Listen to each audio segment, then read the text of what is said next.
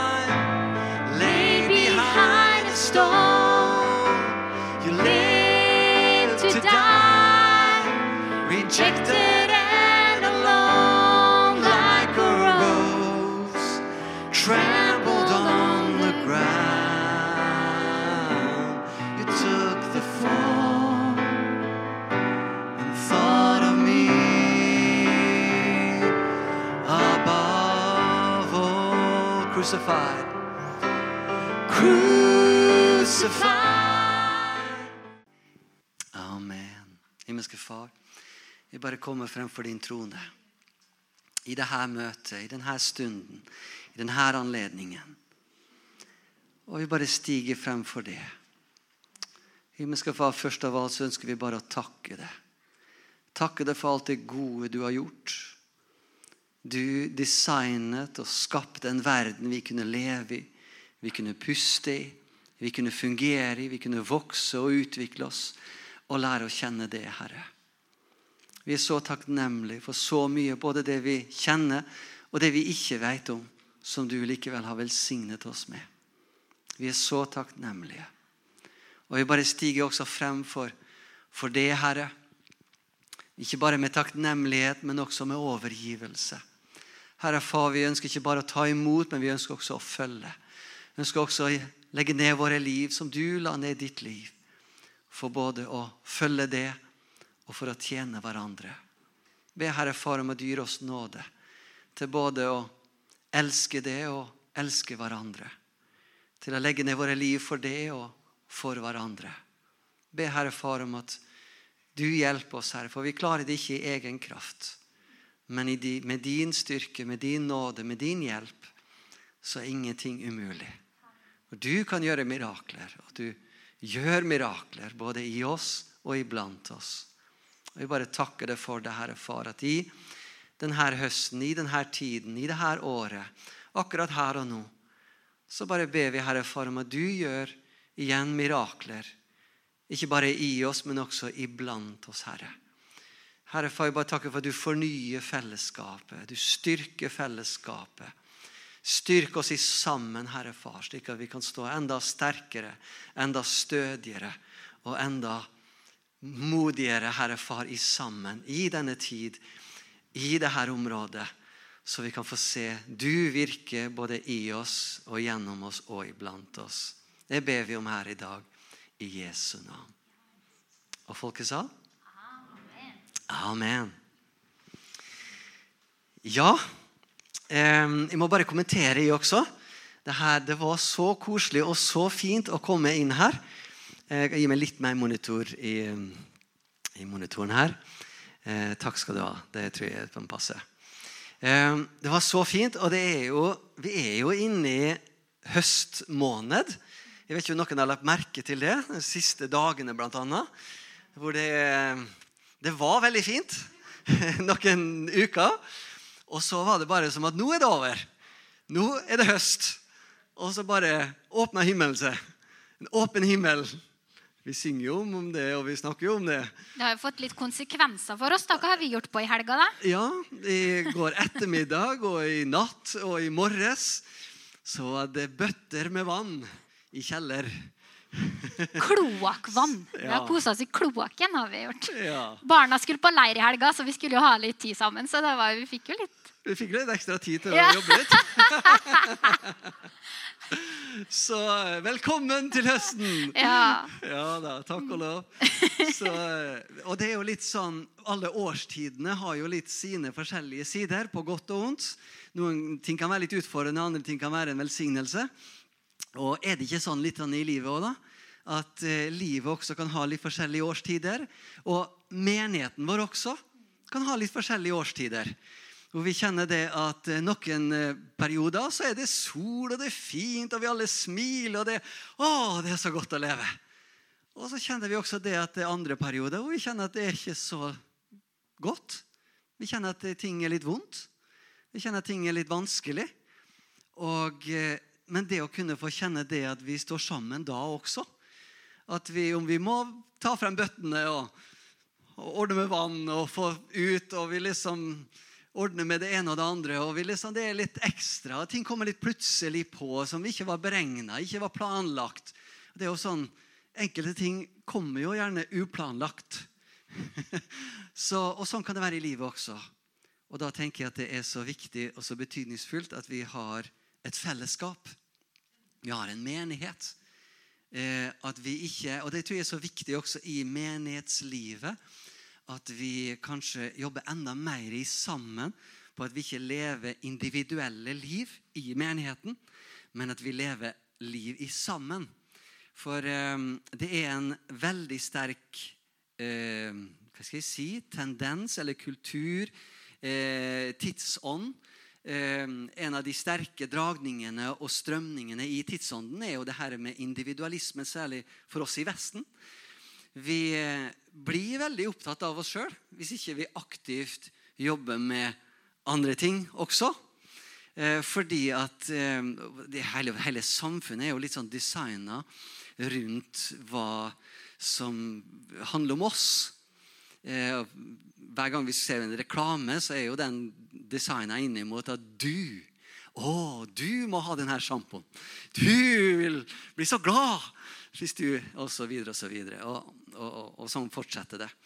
Men, eh, men, det er noe i Guds skaperverk som, som har balanse i ting. Og, eh, og, det skal vi snakke litt om her i dag. Og Elin var allerede toucha inn på det. Dette det her er ordet 'tjeneste'.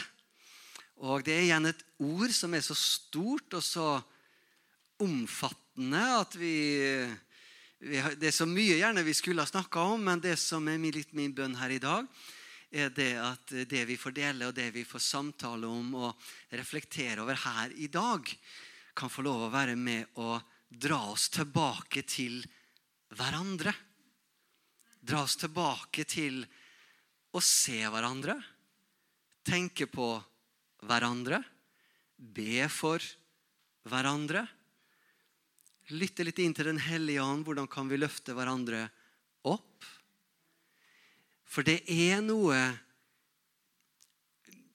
Den kristne menighet, den lokale menighet, er helt unik i verden, i samfunnet. Det er ingen annen institusjon som er som den lokale menighet. Og det er mange andre, om det er lag eller om det er institusjoner, sammenhenger, som kan ha forskjellige deler av menigheten. Mange plasser har fellesskap og mange andre ting. Men det er noe med hele summen av den lokale menigheten når den får komme inn i sitt, sin rolle og sin plass, og ting fungerer etter det designet som Gud hadde tiltenkt, så er det ingen annen plass i samfunnet som er som den lokale menighet. Og så er det jo en liten utfordring også da, med det at vi alle sammen som er i menigheten, vi er fortsatt mennesker. Vi er ikke fullkommengjort ennå. Så det gjør det at vi har jo noen idealer som vi ser i Guds ord rundt Guds menighet. Sånn som f.eks. at vi skal stå sammen, stå i enhet, løfte hverandre opp, tenke på hverandre og være oppmerksom på hverandre og mange andre ting vi sikkert kunne ha, ha, ha lagt til.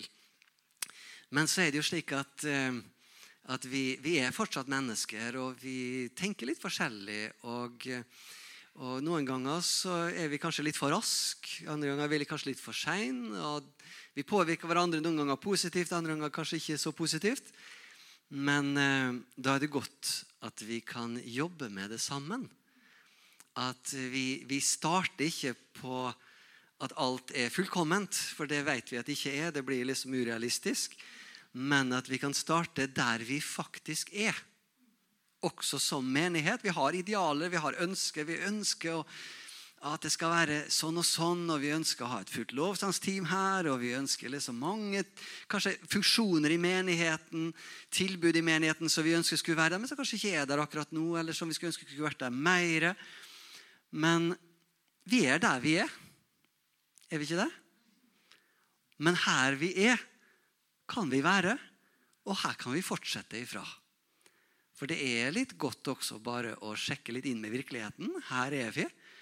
Og hva kan vi gjøre ut av det som er her? I på veien mot de idealene som Herren har for oss. Så, um, så det her med at vi er sammen, og vi er et fellesskap, og vi hører til hverandre det er sånne begreper som jeg syns er veldig spennende. Jeg har bare lyst til å starte med et bibelvers som jeg har lyst til å, å bare Om vi kan bare bruke det her verset som en litt sånn Sette litt sånn tonen for akkurat denne søndagen her. Og Da vil jeg at du skal bli med til Salme 133. Og For dere som husker hva som står der, da vet du litt hvor jeg, hvor jeg har lyst til å, å, å ta litt veien videre hen. I Salme 133 her står det en veldig veldig fin salme som eh, er god å reflektere over.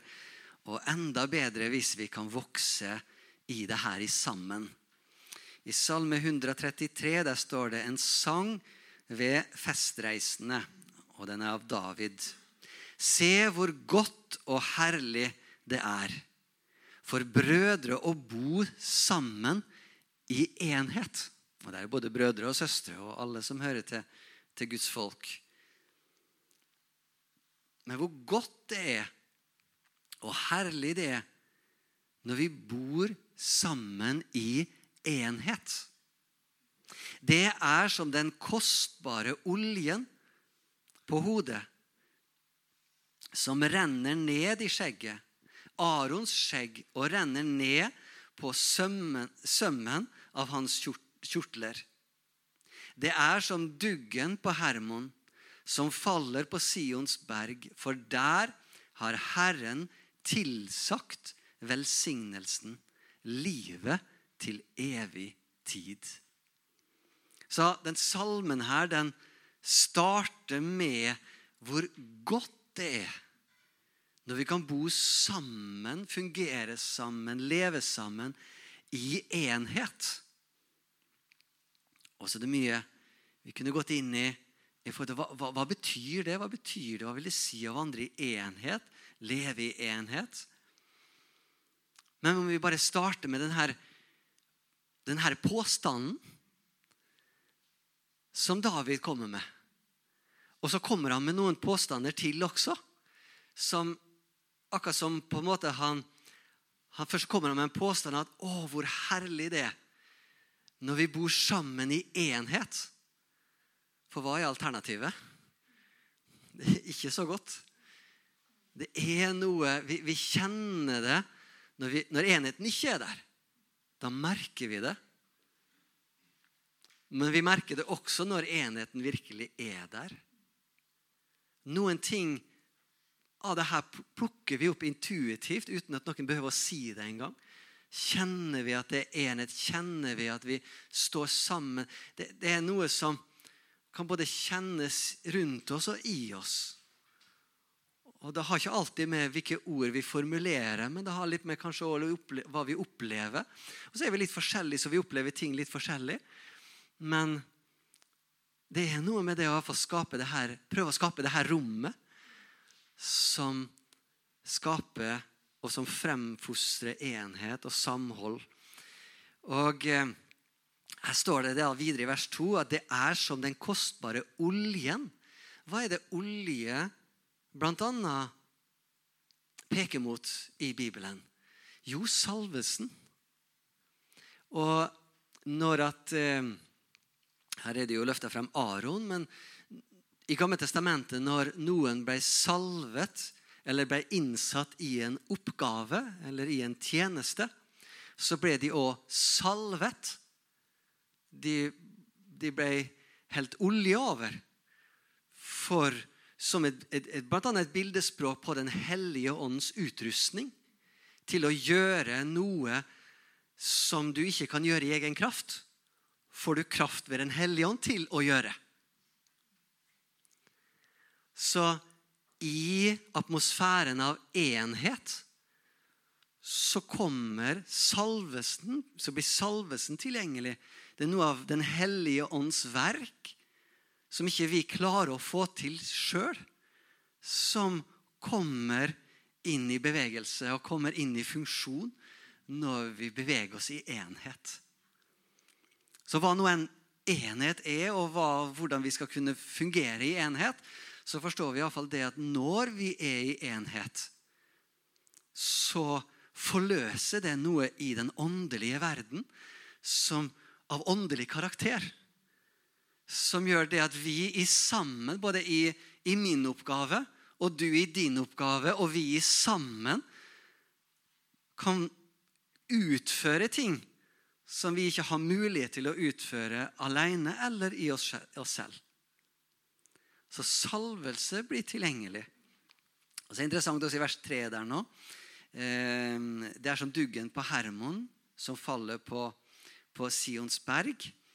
Um, og Spesielt har jeg bare lyst til å løfte frem det som står etter der. For der har Herren tilsagt velsignelsen. Der har han kommandert, eller der har han talt velsignelse.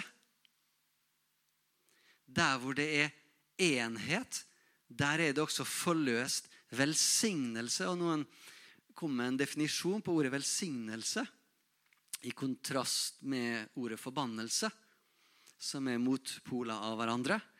Og Ordet velsignelse kan bety, også fra gresk, eh, det å motta kraft til fremgang. Mens å komme under forbannelse kan bety å motta kraft til nederlag eller motgang. Altså gå bakover istedenfor fremover. Så når det finnes enhet, når det finnes det her er åndens enhet, som Bibelen også snakker mye om, og som er veldig viktig i menighetssammenheng. Så, for, så forløses det også velsignelse, kraft til fremgang. Og som menighet så har jo vi et felles oppdrag å utføre. Så hvor godt og herlig det er når vi bor sammen tar bolig i denne kirka, i dette fellesskapet. Vi tar bolig sammen. Vi kommer ikke bare inn og ut og sier hei og så ha det, men, men vi tar bolig sammen. Vi er en familie. Og når enheten får vokse, samholdet får vokse og utvikle seg, og når ting kommer inn som påvirker enheten negativt, så kanskje er med å bevege oss mot at vi splittes, eller vi er uenige, eller vi ser ned på hverandre, eller hva det enn er på en måte av elementer som kommer inn, så prøver vi å finne veier til å snakke om det. Til å ta det opp, til å få løse det. Slik at vi kan få bevege oss tilbake igjen mot enheten. For der er velsignelsen. Der er kraften. Der er salvesen som gjør at hver enkelt lem i kroppen får komme inn i det som Gud har tilsagt og tillagt og nedlagt i den enkelte. Det får komme i funksjon. Men enheten er en sånn viktig døråpner inn i det her. Og Det var kanskje det jeg hadde lyst til å bare legge litt sånn her i begynnelsen. Hvor viktig det er at vi ikke bare snakker om fellesskapet, og sånn, men at vi også prøver å finne hvordan kan denne enheten få vokse og få utvikle seg og finne og det er på mange plan. Enhet det, det, det beveger seg i like mye som i en familie, hvor vi som familie beveger oss på mange plan. ikke sant? Og Det er mange ting vi gjør i løpet av en uke. og vi, Alt fra ånd, sjel og kropp og relasjoner og aktiviteter og oppgaver og ansvar. og Det, liksom det, det involverer hele livet. Men når enheten får være den her røde tråden som flyter imellom oss, og vi alle etterstreber den enheten som, som, vi, alle, som vi trenger sammen, så eh, åpner det opp for et enormt potensial for oss som menighet. Og for oss i sammen. Og for hver enkelt også. Å få komme inn i ting og få bevege seg i ting og fungere i ting. Ja, det er veldig herlig. Når vi blir frelst, så vi, blir vi født inn i et rike. Det står det å bli frelst, det å bli født på ny, kaller Jesus det.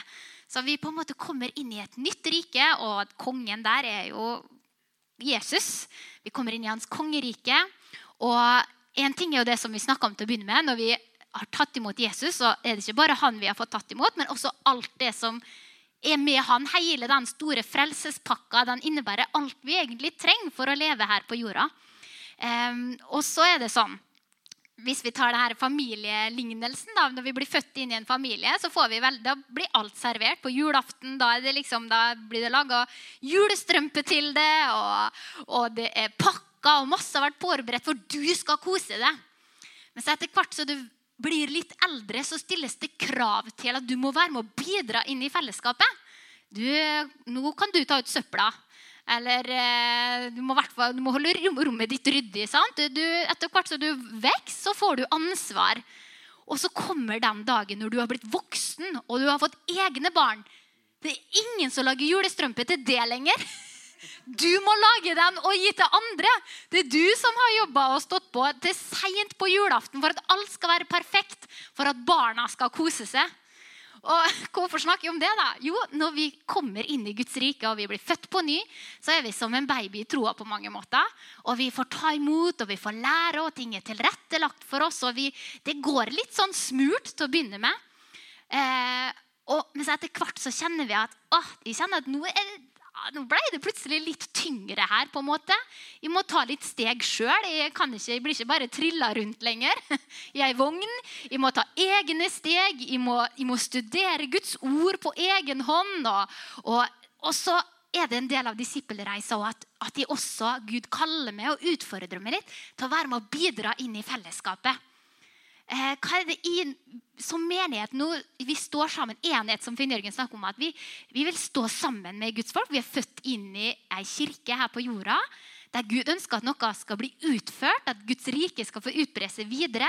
Og hva er det i da, som etter hvert ungdom og voksen skal være med og bidra med? Ikke det at du skal vente. Du, dag én når du blir frelst, så kan du være med og bidra i Guds rike.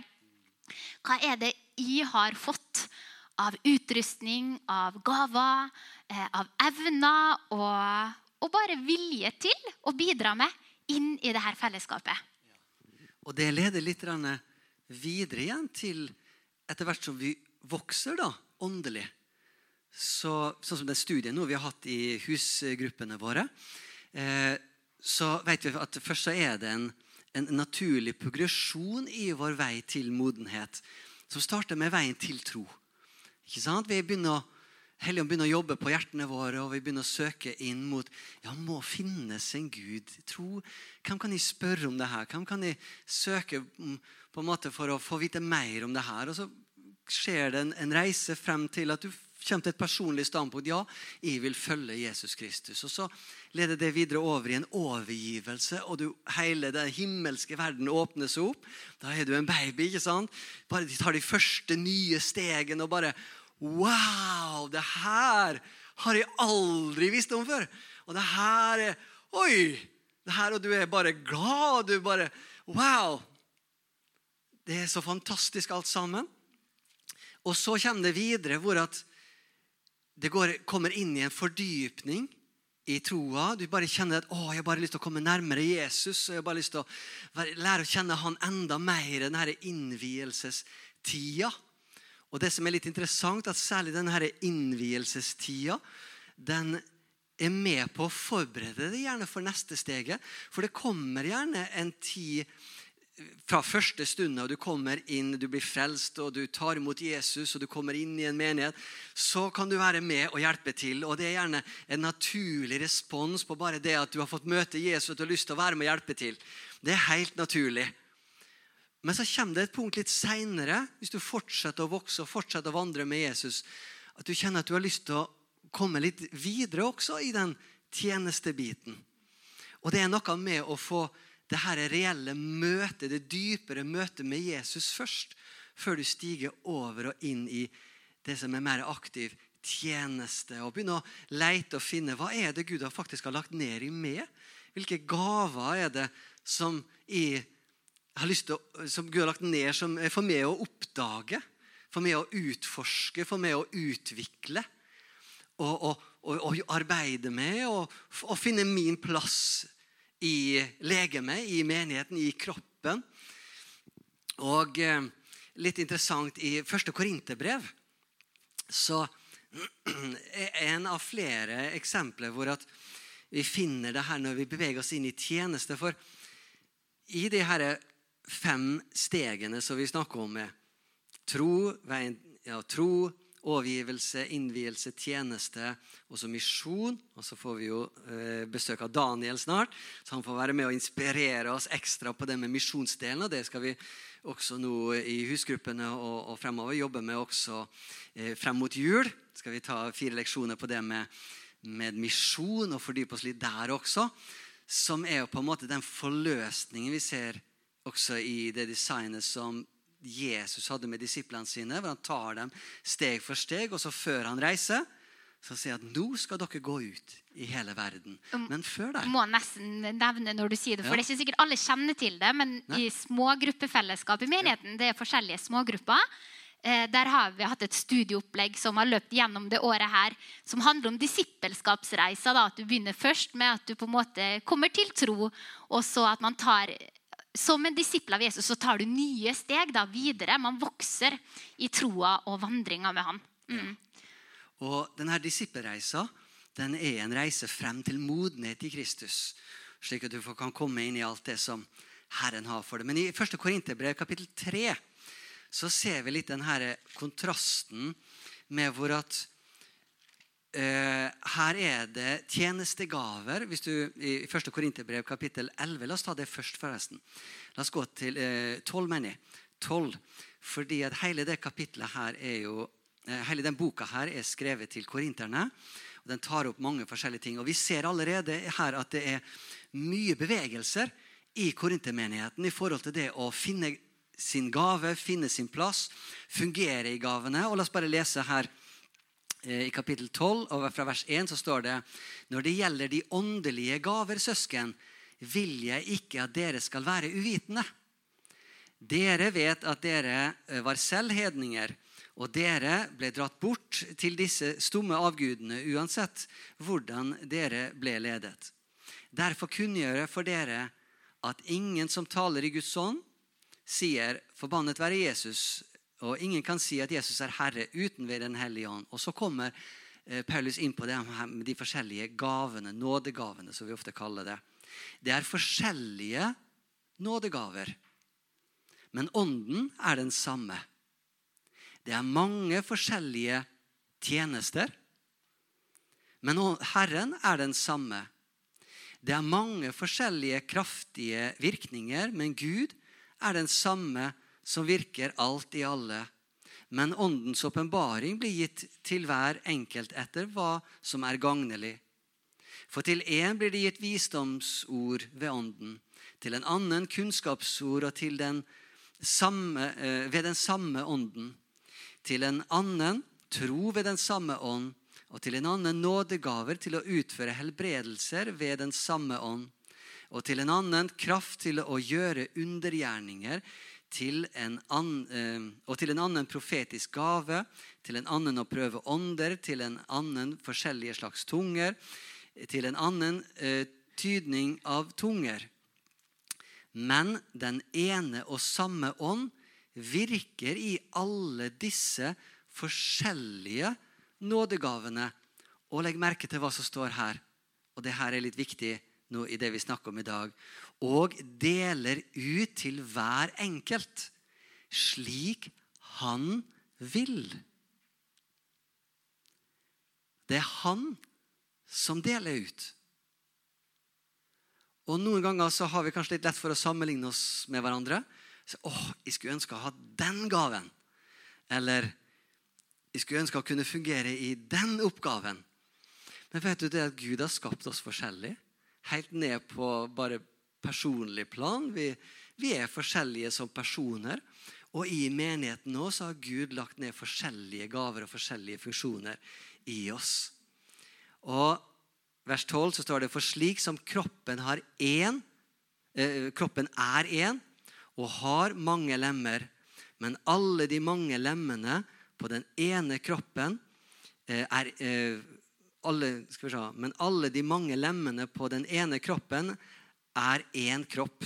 Slik, også, slik er det også med Kristus. Og sånn er det også med menigheten. At vi er en kropp. Jeg trenger det. Og du trenger meg. Hva enn Gud har lagt ned i meg, trenger du. Og det, du, det Gud har lagt ned i det, det trenger jeg. Hvis jeg skal fungere godt i det Gud har gitt meg, så trenger jeg at du fungerer godt i det Gud har lagt ned i det. Det er det hva betyr å være en kropp. Og kropp tror jeg Elin, du kan si litt om. Ja, jeg kan jo si litt, men jeg tenker på at kroppen det er mange forskjellige organer og mange lemmer. Og det bør helst være litt sånn koordinert. Hvis ikke så kommer man ikke helt dit man vil. da. Um, og på samme måte som at kroppen når, når, du skal ut og springe, så bestemmer du deg for at du skal ut og springe. Og da begynner hjertet sant, å pumpe litt sterkere, for du skal jo få oksygen rundt i kroppen, og du begynner å puste fortere eller dypere for at du skal få ut avfallsstoffene og inn uh, surstoffet. Sant? Så hele kroppen den er, den er koordinert. Den er, fungerer og det er tilbake til det som Finn Jørgen sier, som en enhet. Eh, og jeg synes Det er et fantastisk bilde på det her, at det er det samme med Kristi kropp. At når noen setter i gang med noe, eller får en visjon eller en drøm Nå har vi lyst ut med gatekirka. Vi har lyst til å stå på torget og steike vafler og se om vi kan få noen samtaler. Hvis det er bare det ene mennesket som på en måte opprinnelig får den der tanken, og kjenner at det har jeg lyst til å gjøre, hvis det er bare den som setter i gang, så blir det veldig tungt og vanskelig. Ikke sikkert den greier å gjennomføre det engang. Men hvis noen flere kan si at oi, jeg ser den der ideen som du fikk, den drømmen eller visjonen, eller hva du enn vil kalle det, og jeg anerkjenner at det tror jeg er fra Gud, eller det der er i hvert fall bra, det er i hvert fall ikke dårlig, jeg har lyst til å stå sammen med det om det, jeg har lyst til å støtte det i det, så jeg setter av en lørdag i måneden, eller i hvert fall nå på, så blir jeg med det så kan vi gjøre det sammen. Og så står flere. Da får man gjennomføringskraft. Hvis at man står sammen med hverandre. Mm. Ja, for det er to Bare ta en liten eh, igjen, en repetisjon på hva Det var to bud. Vet, I Gamle testamentet så hadde vi ti bud. Men i Nytestamentet så er det to bud som vi ser Jesus komme med. Det første er det vi kaller for kjærlighetsbudet. Som man eh, sier i Johannes kapittel 12, tror jeg det. Og Han sier det at et nytt bud gir jeg dere. At dere skal elske hverandre slik som jeg har elsket dere. Og da skal verden se at dere er mine disipler. Og så har vi Matteus 28, vers 18. Gå derfor ut og gjør disipler av alle folkeslag. Dere, dere døper dem, osv. Gå ut, så du har misjon. Du har eh, kjærlighetsbudet, og vi har misjonsbefalingen. Så hva er vi som menighet hva er, det, hva er oppdraget vårt? Hva er det Litt tilbake igjen til det som vi starta med, med enhet. En viktig del av det å bygge enhet er å samles rundt et felles mål. Et felles oppdrag. Og nå er det jo slik at Menigheten i sitt design er ikke et menneskeskapt eh, prosjekt. Det er Jesus som sa 'Jeg vil'. Alle sammen sier 'jeg vil'. Og da mener jeg ikke altså mener Jesus, men som en Jesus sa 'Jeg vil bygge min menighet'. Jeg vil bygge min menighet. Så da må vi gå til han som eier av menigheten, både den lokale menigheten og den universale menigheten, og spørre hva er det du vil? Hvorfor er jeg her? Og det tror jeg er veldig viktig at vi i med alle våre forskjellige gaver, og kanskje noen har du allerede oppdaget, kanskje. Noen er enda på vei til oppgave. Noen kanskje gaver har Gud lagt ned i som du gang ikke aner at du er der. Men som er for det å utforske og oppdage på reisen av å følge Jesus. Men i alt det Gud har gitt oss, både individuelt og i fellesskap, så handler det om hva kan vi gjøre i forhold til de her to tingene som Jesus sa. Å elske hverandre Elske Gud, elske hverandre og elske alle mennesker i denne verden. Jeg syns det er så herlig hvordan Bibelen omtaler hvordan vår væremåte skal være overfor hverandre. Når det f.eks. står i romerbrevet at vi skal kappes om å hedre hverandre. Det er et veldig sånn sterkt og herlig utsagn. Og gjør det nesten til en sport i å hedre hverandre, i å komme med oppmuntringer, i å bygge hverandre opp og støtte og være glad i hverandre. Det syns jeg er veldig herlig. Og så tenker jeg også på hva det gjør med oss som mennesker når vi kommer inn. Vi er egentlig litt utafor vårt element hvis vi blir egosentriske. Som barn er vi født egosentrisk. Og det er litt den der overlevelsen i oss. på en måte. For å overleve så trenger vi liksom eh, Barn er jo fullstendig avhengig av at andre støtter rundt dem. Så man er veldig egosentriske. Mat og drikke og kjede med. Og vi har den sangen hjemme mye. Men etter hvert så vi modnes, så lærer vi oss å løfte blikket, og så ser vi at I er del av et fellesskap. Og at jeg har det egentlig ikke bra hvis ikke de rundt meg òg har det bra. Og det tenker jeg også om menighetsfellesskap og som individ. At når jeg kommer inn i det her modusen av hva kan jeg bety for andre, så er det et element som lander på plass i det, som er sunt og som er godt. I ordspråkerne så står det, det at den som lesker andre, vil selv bli lesket eller sjøl vil bli forfriska. Når vi gir av oss sjøl, så får vi noe tilbake. Og Jeg har lyst til å dele det vitnesbyrdet her tilbake når jeg var 21 år og, og, og, fikk dødsangst. Så kom jeg inn i en depresjon som flykte den angsten. Og det var så mørkt. og jeg som ja, jeg var ikke vant med å være nedstemt. Jeg var liksom sprudlende vant med å kjenne på Guds nærvær og hadde det veldig godt, egentlig. Men når jeg ble deprimert, så ble det veldig tungt og svart rundt meg. Og jeg greide ikke å kjenne Guds nærvær lenger. og Det var skikkelig tungt og heftig. Og da, ut ifra andre Timoteus, Der står det nemlig noe om det her med nådegaver og det med å tjene med de nådegavene som vi blir gitt. da. Vi har blitt gitt. Um, andre Timoteus så står det at Paulus han både oppmuntrer og formaner Timoteus. Unge Timoteus han sier derfor minner jeg deg om å vekke Guds nådegave til live. Den som er i deg ved at jeg la hendene på deg. For Gud har ikke gitt oss motløshetens ånd, eller fryktens ånd, er det også blitt oversatt med, men kraftens, kjærlighetens og sindighetens ånd. Så jeg tok tak i det bibelverset her. At Gud har ikke gitt meg fryktens ånd. Og det er kobla til det som står før. At vekk opp i det den nådegava som er i det.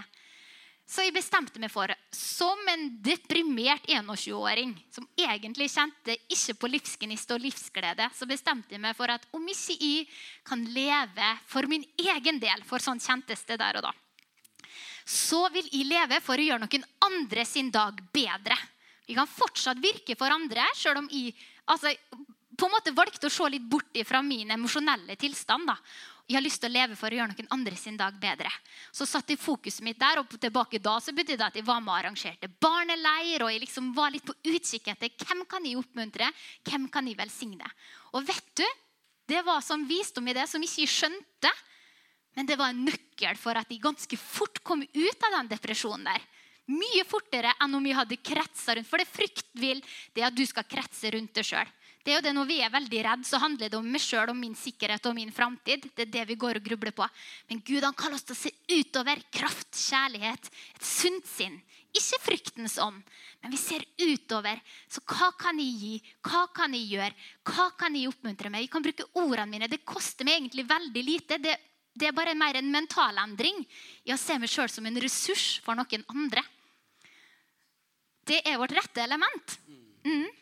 Ja, og det her leder da frem til hvilke spørsmål vi stiller oss selv. Litt i det vi snakker om her nå i dag. Hva vil det si tjeneste, hvis vi tar ordet tjeneste? Tjeneste handler om å tjene. Tjeneste staves tjene. Ikke sant? T-j-e-n-e. For vi, vi, tenker gjerne ofte på liksom tjeneste som noe der oppe. eller noe der liksom... Men det handler egentlig bare om å tjene noen andre. Løfte noen andre opp. Finne måter å, å være med og bidra. Og i forsamlingen vår Hvordan vil det å tjene, som igjen handler om det med å elske, elske hverandre, hvordan kan det se ut enda mer i fellesskapet vårt? Hvordan kan vi elske hverandre i praksis. På kanskje praktiske måter. Hvordan kan det se ut i veien fremover? Og eh, Jeg har bare lyst til å lese det som står i Efeserne. Gå litt inn for landing med, med det som eh, Paulus skriver her. og Han starter eh, det her i kapittel fire tilbake igjen til det med enheten. Hvor han, han beveger seg inn i det her med kroppen legeme, lemmene. Men han starter likevel med enheten som tema og tematikk. I kapittel 4 vers 1 så står det 'jeg' skal vi, jeg skal ta en annen oversettelse her. skal vi se, Sånn. Eh, vers, kapittel 4 vers 1 i Efeserbrevet. Så formaner jeg dere, jeg som er fange for Herrens skyld, at dere lever et liv som er verdig det kallet dere har fått i mildhet, ydmykhet og storsinn, så dere bærer over med hverandre i kjærlighet. Har du noen gang merka noen andre sin annerledeshet kan også være en årsak til litt irritasjon og litt frustrasjon? Nei, i hvert fall ikke i ekteskapet.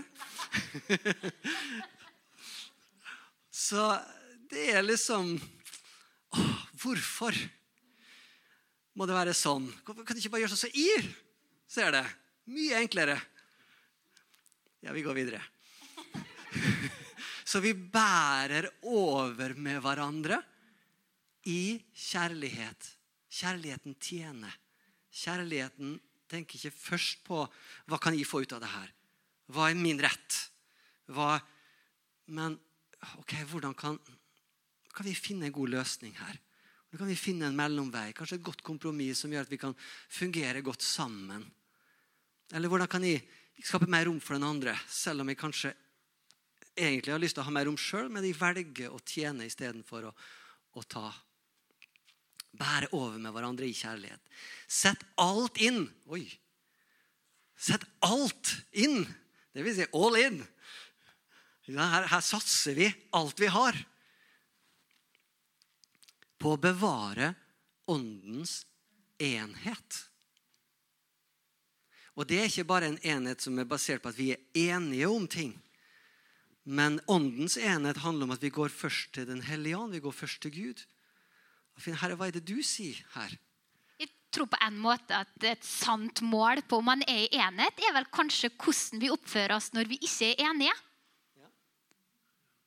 Er det ikke det? Når jeg blir dypt uenig med hva du tenker og gjør, greier likevel å være i den enheten. At ja, men vi står sammen fordi jeg elsker det. Jeg er vennlig mot det likevel. Jeg får ikke sånn agg som gjør at jeg ikke greier å se det helt i øynene lenger. Men at vi står sammen likevel. Selv om vi er uenige, så vi ønsker vi fortsatt å tjene det. Vi ønsker fortsatt å elske det. Vi ønsker fortsatt å gi rom for at du skal ha fremgang. Og det her er sånn kontrastfølelser. Når vi på ene sida kjenner at å, jeg har lyst til å ta igjen.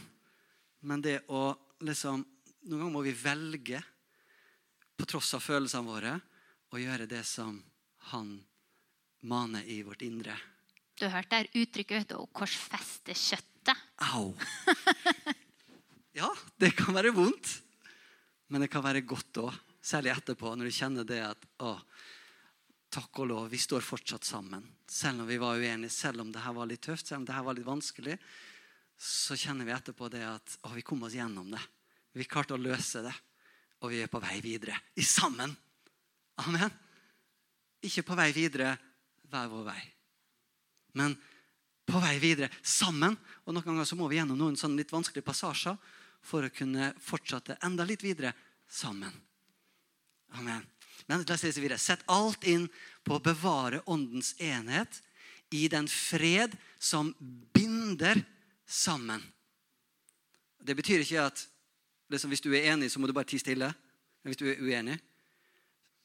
Men det betyr at vi kan snakke åpent om ting.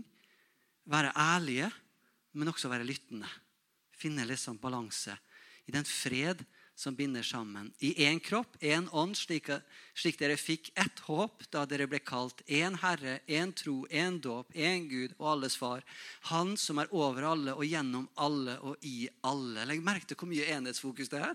Det er liksom bare Å, det her å, det er så godt og herlig når vi er sammen i enhet. Vi bare kjenner jo sjøl også i min personlige forhold med Jesus hvor godt og herlig det er når jeg er i enhet med han. Men når jeg er i konflikt med han, når mine egne agendaer eller mine egne vilje eller ønsker eller sånt kommer i konflikt med hans vei for meg, så, så kommer det en sånn friksjon inn som gjør det at det blir ikke så godt. Kanskje skal føles litt godt med en gang hvis jeg får liksom det jeg vil med en gang. Men det roter seg til. Men når vi får følge Han og får være i enhet med Han, og når vi får være i enhet med hverandre, da gjør det godt. Og til hver enkelt av oss si meg. For Bibelen snakker om det, nemlig. Si meg. For Bibelen snakker om det. Til hver enkelt av oss, oss som er her nå, er nåden gitt. Alt etter som Kristi gave er tilmålt. Du har en nåde og en gave tilmålt allerede i Kristus i, på innsida av det. Du har fått noe som er helt unikt for det. Gitt av overhyrden til det. Og du har blitt tilmålt noe som du har. Så hva er det du har? Jeg veit ikke. Jeg kanskje bare ser noe, du kanskje ser noe. Men la Hva hvis det er tida fremover nå at vi tar tid? Be til Herren. Herre, hva er det du har lagt ned i meg? Noen ting kjenner jeg, men jeg har lyst til å lære mer. Vis meg. Ikke sant? Så plutselig så får du en tanke. Tror meg, jeg har tenkt ganger på å spille piano, men jeg har aldri begynt. Kanskje skal prøve? Og Jeg har bare lyst til å ta fram noe som vi hørte i, eller i en samtale med noen her i kirka. så var det Noen som tok opp det her ønsket og lengselen etter åndelige mødre og fedre i menigheten. etter noen som ser det, som spør hvordan har du det, går det bra med det, og investerer litt inn. Og da tenkte jeg med en gang at det er så mange ressurspersoner som jeg kanskje litt mer av det voksne slaget, som ikke ser egentlig hva de går med, og at det fins yngre som roper etter det som du har på innsida av deg. De roper etter at du skal se dem, at du skal ta tid til dem. For det er lett tenker jeg, at det er ingen som vil høre på meg, eller at man ikke tenker det helt ut. At man har litt den holdninga av at det er vel ingen som vil ha det som vi kommer med, på en måte, men at jo Grip litt tak i de yngre som ikke bare tenke at nå skal ungdommen ta over og så tar et steg tilbake. Hvis ungdommen skal ta over, da må du i hvert fall være til stede. Og støtte opp om og bekke og heie og be. Så Jeg hadde bare lyst til å løfte fram det her ropet som noen kom med etter åndelige mødre og fedre i kirka. Mm, vær en åndelig mor eller en far og har fartstid med Herren og har noe godt å gi og støtte med. Ja, det er så viktig og så bra. Eh, For det, Gud, det du har erfart, og det du har lært, og det du har fått tatt imot på din reise så langt med Jesus, det kan du gi videre til noen. Og det kan få være til styrke og nåde og hjelp for dem. Vers 11. Og det, eh, og det var han, altså Kristus, som ga noen til å være apostler, noen til profeter, noen til evangelister, noen til hyrder og lærere, for å utruste de hellige til og Legg merke til her at igjen, så, igjen og igjen så står det at han ga noen til. Her har du liksom Han plukker ut, han setter opp menigheten sin som han vil. Så, og det er ok. Han er, den, han er eieren, og det er godt at, jeg syns det er godt at han er sjef. Jeg har ikke lyst til å være sjef. Jeg synes det er godt at han er sjef. Han har mye mer peiling på alt mulig enn jeg har. Eller noen av oss har. Han er den som har all visdom, og det er godt å få bare følge han og få ydmyke oss under han. For å utruste de hellige til tjeneste, så Kristi kropp kan bygges opp. Kroppen. kroppen. Vi er alle sammen. Du er et lem, jeg er et lem. Men kroppen vi sammen skal bygges opp. Ikke bare at jeg skal bygges opp.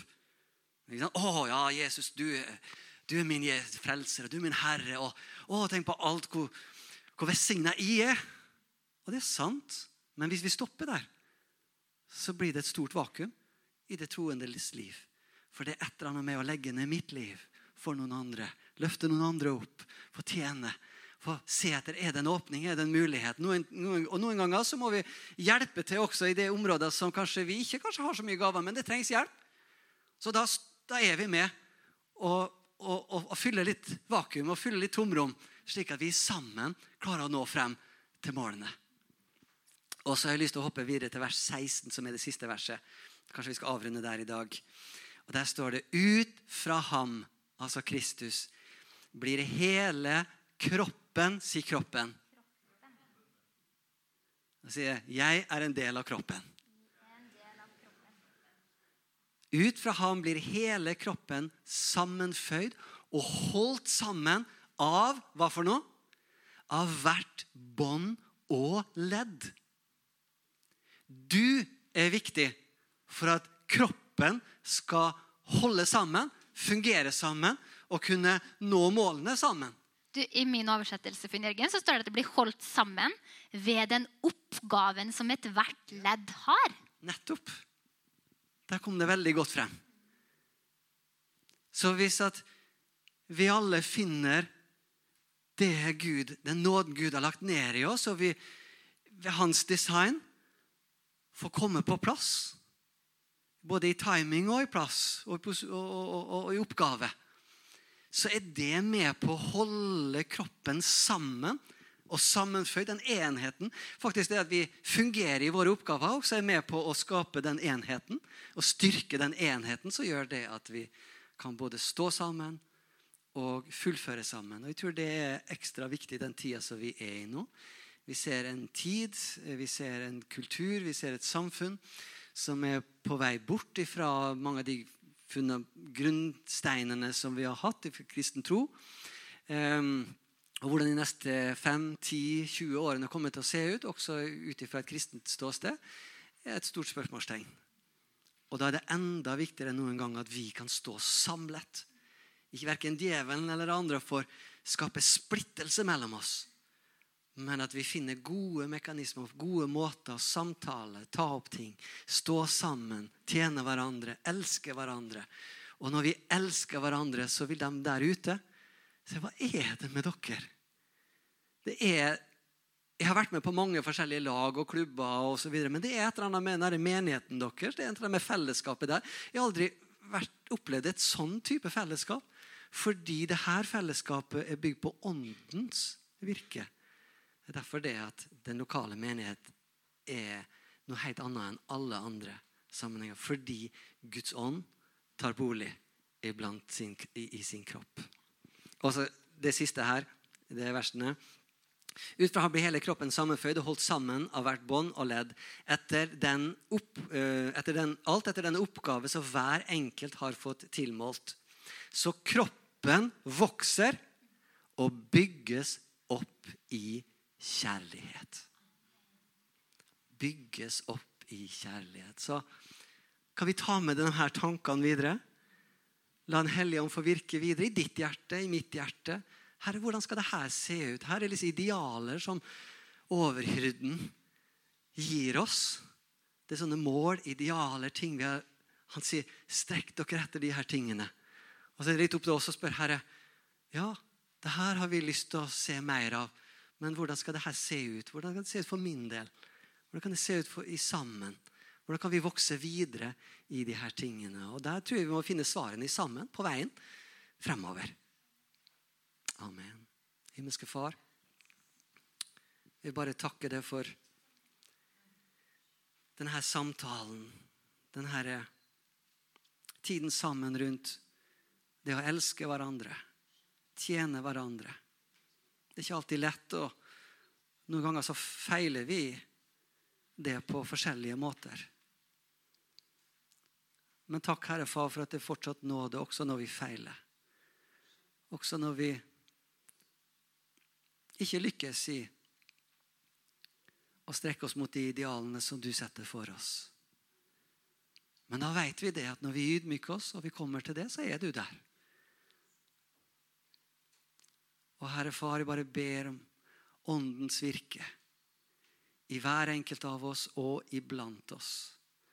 Så vi får kjenne det at den kjærligheten til hverandre ikke bare er ord, men at det også er noe som får vokse seg dypt, dypt, dypt i oss.